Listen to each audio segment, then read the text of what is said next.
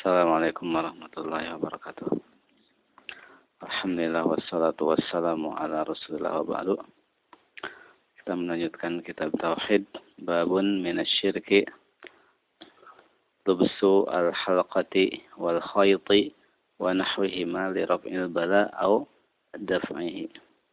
Termasuk syirik memakai gelang atau apa e, benang dan yang apa se, semacam dengannya dalam rangka tolak bala.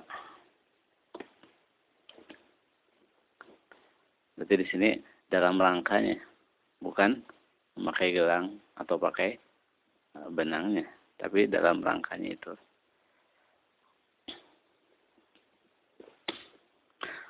Uh, dan firman Allah Subhanahu wa taala, "Qul afara'aytum ma tad'una min dunillah in aradani Allahu bidurrin hal hunna kashifatu durrih aw aradani birahmatin hal hunna mumsikatu rahmatih Qul hasbiyallah alaihi yatawakkalul mutawakkilun." Katakanlah, kabarkan kepadaku apa yang kalian seru selain Allah. Bila Allah menginginkan madarat terhadap diriku, apakah mereka bisa menolak atau melenyapkan madarat itu? Atau bila Allah menghendaki rahmat bagiku, apakah mereka bisa menahan rahmat tersebut, rahmatnya? Katakanlah hasbi Allah. Allah cukup bagiku, alaihi yatawakkalul mutawakkilun, terhadapnya lah orang-orang yang tawakal bersandar. Di sini uh, ayat ini menetapkan bahwa yang diseru selain Allah itu tidak bisa mendatangkan manfaat dan mudarat. Kalau yang tidak bisa mendatangkan manfaat dan mudarat berarti tidak layak untuk dijadikan sandaran. Nah, orang-orang musyrik Quraisy, orang musyrik Arab, mereka tahu bahwa memang berhala-berhala mereka itu tidak bisa mendatangkan manfaat dan atau madarat. Tapi mereka menjadikan berhala-berhala itu sebagai wasaid, sebagai perantara syufa'a, sebagai para pemberi syafaat di sisi Allah Subhanahu wa taala. Jadi bila menjadikan mereka sebagai wasaid perantara atau syufa'a di sisi Allah para pemberi syafaat dengan e, maksud mereka Eh, sehingga mereka meminta kepada uh, berhala-berhala itu itu merupakan syirik apa gerangan kalau orang apa uh, bersandar kepada sesuatu dan meyakini bahwa sesuatu itu bisa mendatangkan manfaat dan madarat.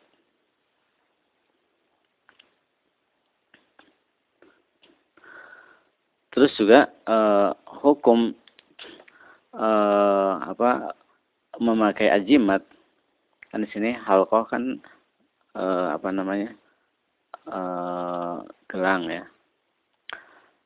Hukum memakai ajimat kalau sekedar memakai dalam dalam arti e, ajimat ya bahasa ajimat kan ada maksudnya.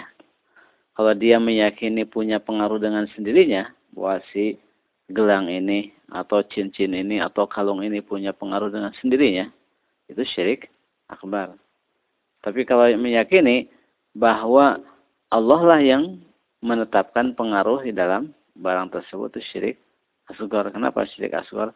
Karena e, menetapkan suatu sebab tanpa ada dalil. Sesuatu yang bukan sebab, baik sebab syar'i atau sebab hissi, terus dia menjadikannya sebagai e, apa? memiliki maksudnya Allah menjadikan e, suatu itu punya khasiat, tapi itu khasiat dari Allah itu syirik asgar. Tapi kalau meyakini itu punya khasiat dengan sendirinya, bisa mendatangkan manfaat dan madarat dengan sendiri itu syirik akbar itu.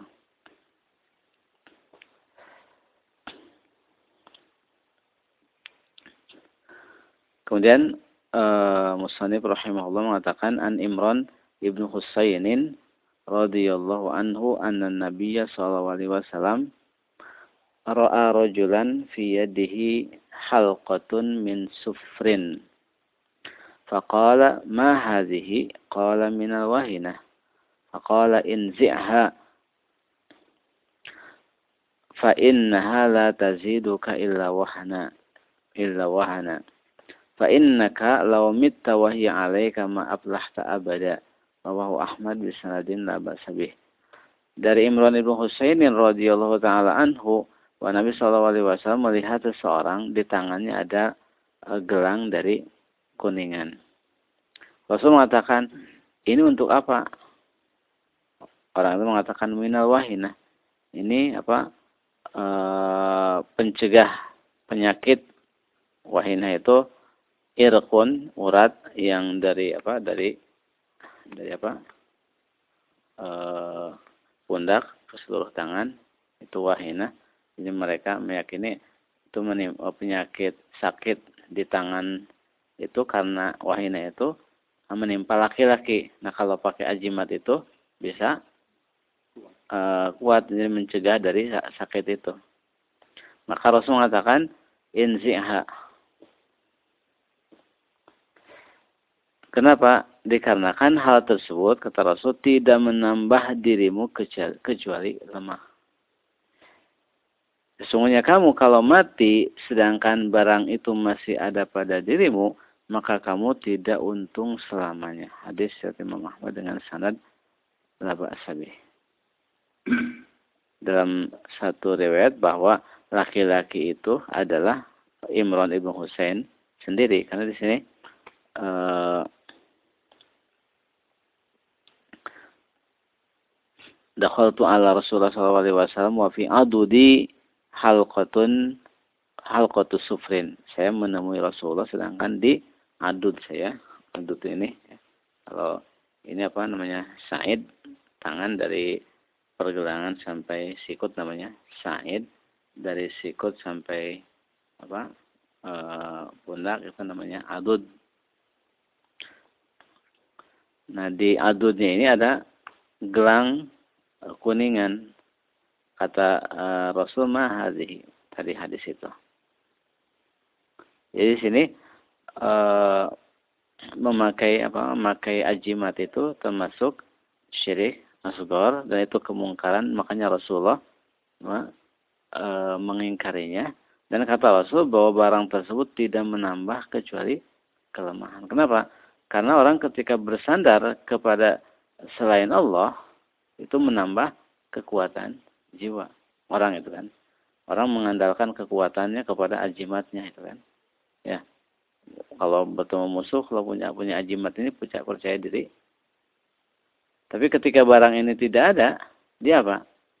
Tidak punya rasa percaya diri. Itu kan jadi hal itu justru yang menambah lemah karena syirik ketika ada pada diri orang apa menjadi lemah ketika bertemu dengan musuh. Makanya kan kenapa e, bangsa Indonesia dijajah lama sama Belanda pada katanya banyak apa? Ajimat-ajimat, banyak yang kebal bisa yang ya yang bisa terbang, banyak ajimat ilmu-ilmu itu. Tapi Belanda nggak ada ceritanya apa dalam Belanda punya apa?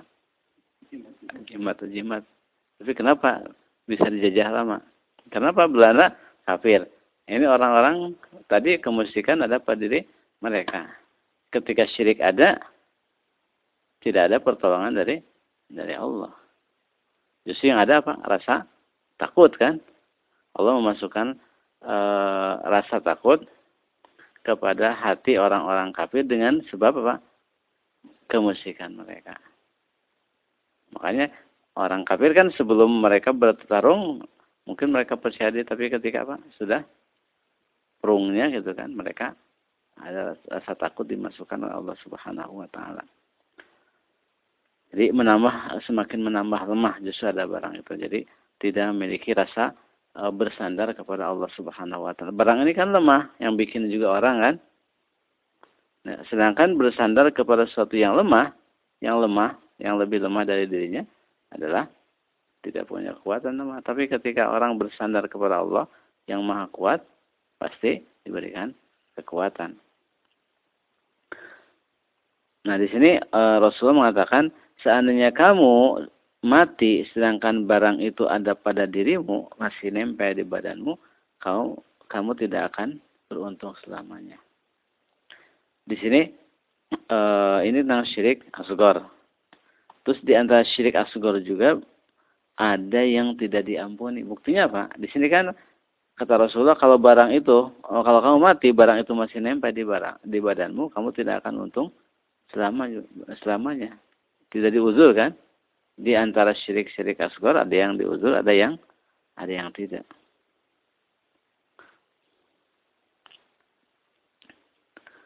Hanya di sini Muslim mengatakan fihi syahidun li kalami sahabah.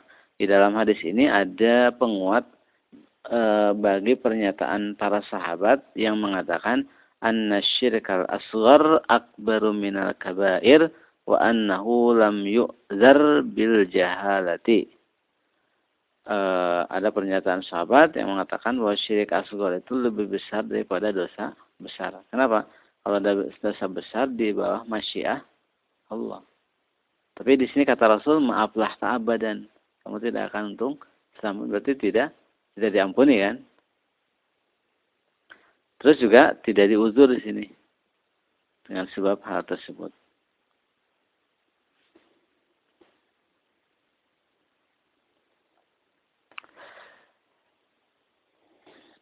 Kemudian Musannif rahimahullah mengatakan walahu an Uqbah Ibni Amirin marfu'an.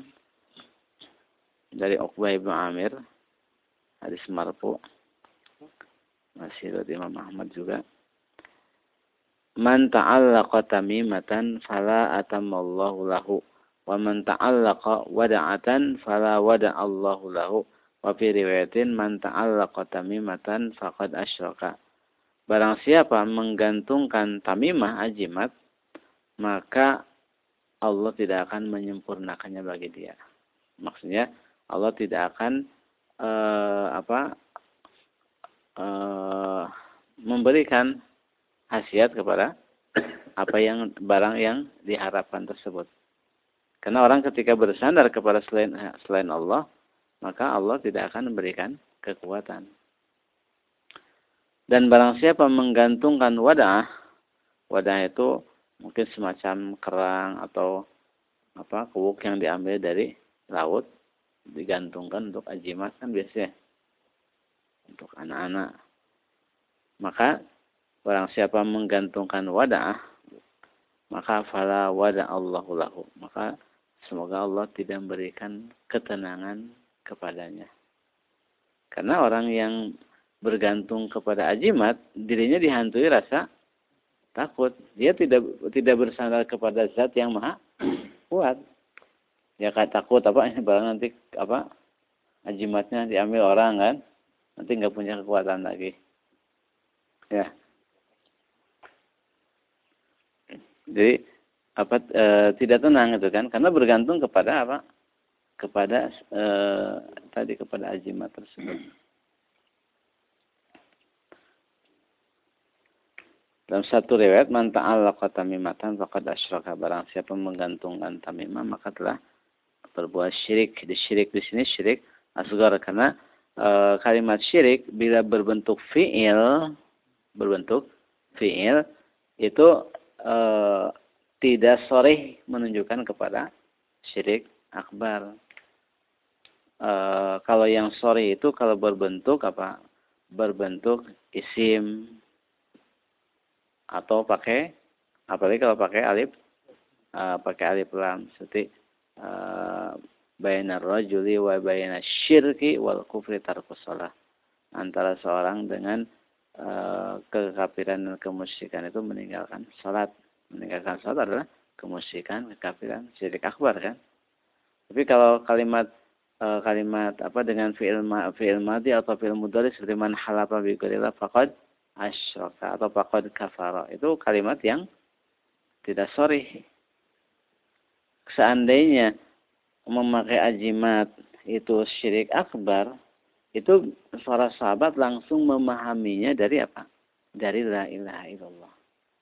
Seandainya sumpah dengan selain Allah itu syirik akbar, tentu para sahabat tidak akan bersumpah dengan selain nama Allah setelah mereka masuk Islam. Karena mereka langsung memahaminya dari kalimat tauhid. Tapi tatkala mereka tidak memahami dari kalimat itu, tapi butuh dalil khusus, maka itu menunjukkan apa? Bukan syirik akbar. Terus juga kalau e, berbentuk isim juga, kalau isimnya nakirah, itu ihtimal juga. Seperti la tarji'u ba'di kuffaran yadribu ba'dukum riqaba ba'din. Jangan kalian kembali setelahku kufaron. Jadi orang-orang kafir yang mana sebagian kalian membunuh sebagian yang lain. Membunuh sama muslim kafir enggak? Keluar dari Islam tidak? Tidak. Tapi di sini sebut apa? Kufaron. Tapi isim nakirah. Ini kufur sugar.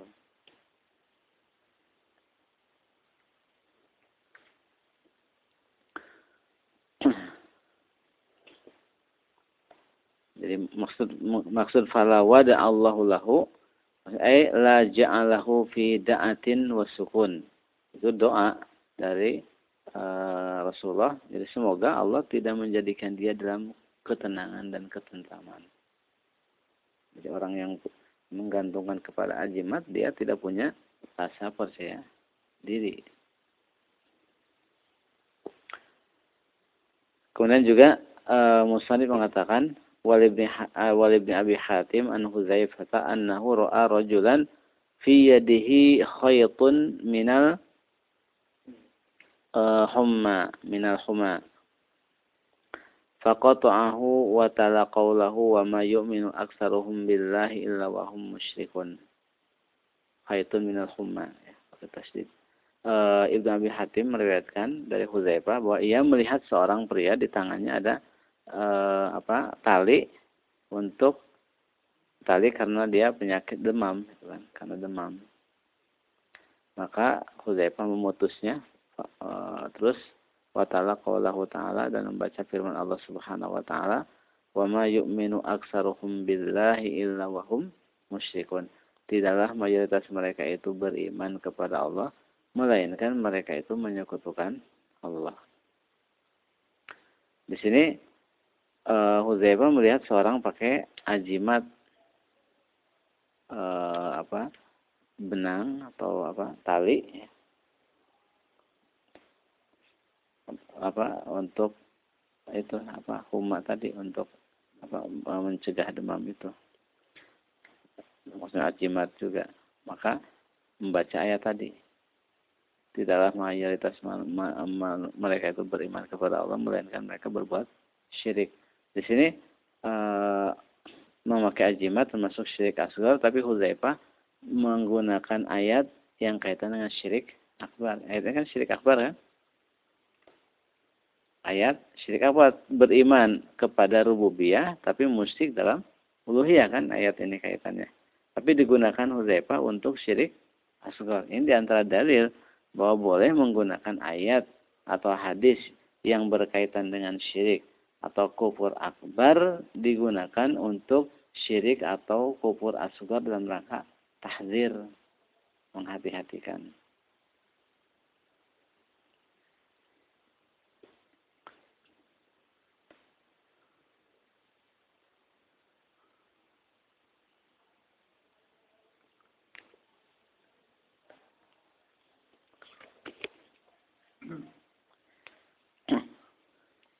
Di dalamnya ada beberapa masalah. Yang pertama at-taglid fi lubsi al-halqati wal khayti wa nahwihima limisli dzalika. Uh, kecaman yang keras ya, dalam uh, terhadap memakai uh, gelang atau apa benang atau yang serupa itu dalam rangka tolak bala atau apa dalam rangka tolak bala ya. Kemudian anna sahabi law mata wahya alaihi ma'aflah. Seorang sahabat seandainya mati sedangkan ajimat itu masih dipakai, tidak akan beruntung. Fihi syahidun li kalami sahabah inna syirkal asghar akbaru minal kabair. Di dalamnya terdapat e, bukti penguat terhadap pernyataan sahabat yang mengatakan bahwa syirik asghar itu lebih besar daripada dosa besar. Makanya ada ucapan Ibnu Mas'ud, Katakanlah an ahlifa billahi kaziban ahabbu ilayya min an ahlifa bi ghairihi sadiqan. Sungguh saya sumpah dengan selain nama Allah sedang saya bohong. Itu lebih saya sukai daripada saya simpah, uh, sumpah dengan selain nama Allah sedang saya jujur.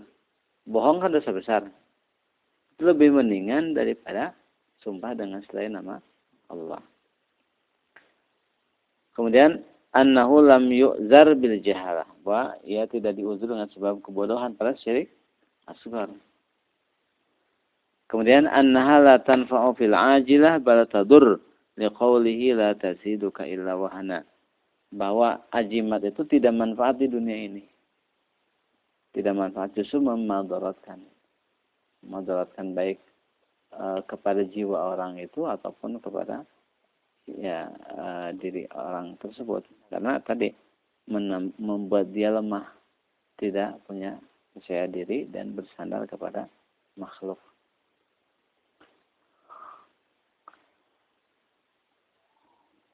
Kemudian al-inkar bitaghliz ala manfa'ala misla dzalika. Pengingkaran dengan keras terhadap orang yang melakukan perbuatan semacam itu. Kemudian atasrih bi anna man ta'allaqa syai'an wukila ilaihi. Penegasan bahwa barang siapa menggantungkan sesuatu maka akan di apa, disandarkan kepada sesuatu itu. Dan itu akan fakta ya. Orang ketika menggantungkan kepada ajimat, dia apa? Tergantung kepada ajimat itu. Jadi kepercayaan dirinya digantungkan kepada azimat itu.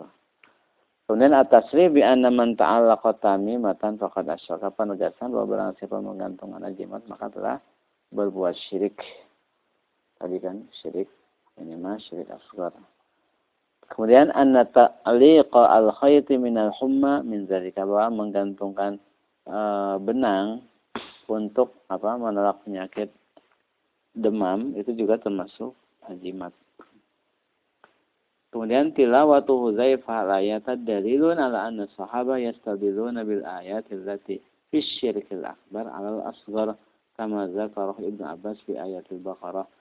Uh, Huzaifah ketika membaca ayat wa ma yu'minu aktsaruhum billahi illa wa hum musyrikun untuk kaitan orang pakai ajimat itu mengandung dalil bahwa para sahabat itu berdalil dengan ayat-ayat yang kaitan dengan syirik akbar untuk syirik asgar.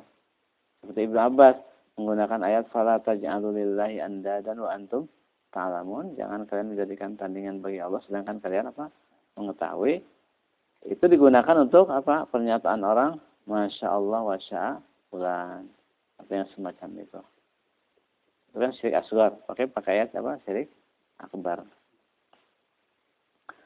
Kemudian anna ta'liqal wad'i uh, anil aini min zalika bahwa menggantungkan ajimat untuk menolak penyakit ain itu termasuk apa syirik juga syirik asghar minimal.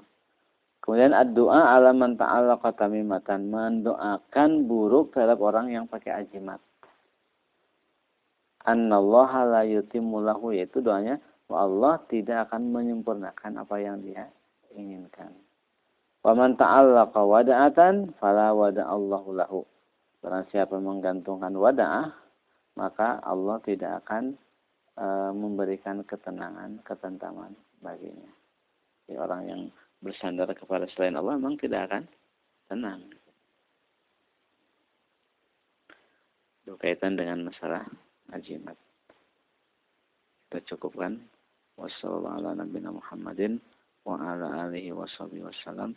Subhanaka wa bihamdika asyhadu an la ilaha illa anta astaghfiruka wa atubu ilaik. Assalamualaikum warahmatullahi wabarakatuh.